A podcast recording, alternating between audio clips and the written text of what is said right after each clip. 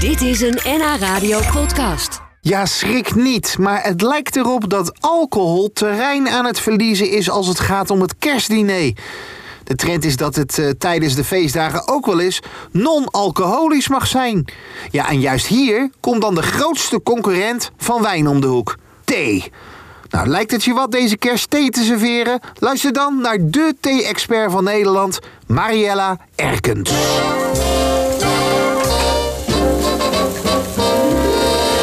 Nou, het is wel eh, gezellig, hè? Oh, het is wel gezellig. nou Gooi met hem. Lekker klinken, hè? Zeg wel een lekker drankje trouwens. Wat is dit? Dat is nou thee, eh Sjoerd. Sorry? Thee. Is wijn niet eigenlijk hetzelfde als thee? Ja, eigenlijk wel, alleen dan zonder alcohol. Ja. Ja, thee heeft geen alcohol en wijn wel. Kun je er net zoveel kanten mee uit? Ja, zeker. Minimaal net zoveel als met wijn. Heel leuk voor de mensen die geen wijn drinken, omdat ze zwanger zijn of omdat ze dat nou helemaal niet doen. Ja, en zoals vorige week hebben we geleerd... drink ook niet te veel tijdens een kerstdiner. Houd het gezellig. Zeg maar, Ja, weet je wel. precies. Ja. Dat is ook leuk voor je tafelgenoten. Nou, dan is thee eigenlijk het enige echte alternatief voor wijn. Want even heel kort. eh, noem eens een thee die lijkt op rood, Zwarte thee, bijvoorbeeld English breakfast. wit... Groene thee. en dan hebben we nog rosé. Eh oolong. Jij drinkt nu gewoon eh, Engelse melange, gewoon zwarte thee. Nee, dit is nee. Nee, serieus? Ja, maar omdat die met zacht water is gezet, ziet hij er heel mooi helder en mooi gekleurd uit. En heeft hij veel meer smaak. Hey, en, en wil ik een paar voorgerechtjes met je doornemen. Eh, eh, gerookte zalm, wat is daar lekker bij? Groene thee. En als je, Groene Ja, gewoon lekker groene thee. Als je daar niet van houdt, kun je ook voor Earl Grey kiezen. Maar dan raad ik je wel aan om die wat milder te zetten. En dat doe je door de temperatuur wat te verlagen.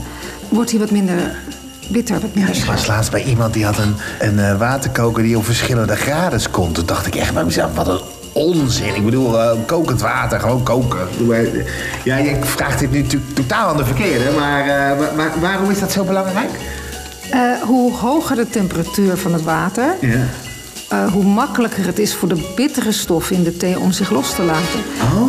Dus als jij niet van bittere thee houdt, kun je het beter zetten met water wat heeft afgekoeld. Kijk, hier ga ik... de- Kijk, ja, ja, ja. Ja, nou, ik weer vind toch? thee altijd zo bitter, maar nu snap ik waarom.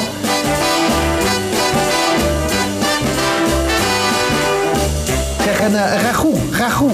Oh ja, Het schijnt weer helemaal in te zijn dit jaar. Ragout. Iedereen gaat aan de ragout. Waarom? Je kan er vlees in doen, je kan het vegetarisch maken, je eet zelfs visragout. Dus eh, je kan alle kanten mee op. oh, dat is een slimme, in van die bakjes. Ja, ja, Oké, ja. nou daar kan ook heel goed thee bij. En ook weer de gewone thee zoals mensen die kennen, weet je wel. De, de, de zwarte thee die je bij het ontbijt drinkt, de Engelse melange of de ja, English breakfast, Earl Grey, kan er allemaal prima bij. Want die, die ehm, roe van die ragout, die is heel lekker romig en zacht en smeuig. En die breekt het wrangen van de thee, waardoor eh, de thee heel zacht en zoet en veel meer smaak krijgt. En de ragout wordt veel frisser, veel Ja, lichter. ja, ja. En dan de laatste. Ja, de, de- toch eh, gaat het net de eh, chocolademousse. Hoe zit het? ja, ja, lekker, lekker, lekker, lekker, lekker. Ehm, daar zou je dus ook weer heel goed deze thee bij kunnen schenken. Dus eigenlijk hoef je voor jouw hele menu maar één soort thee te kiezen, namelijk zwarte thee. En als je van Earl Grey houdt, kies je voor Earl Grey. Hou je van gewone zwarte thee, Engelse melange, gebruik je die. Kan je het hele menu doormaken. Santé. Santé, cheers.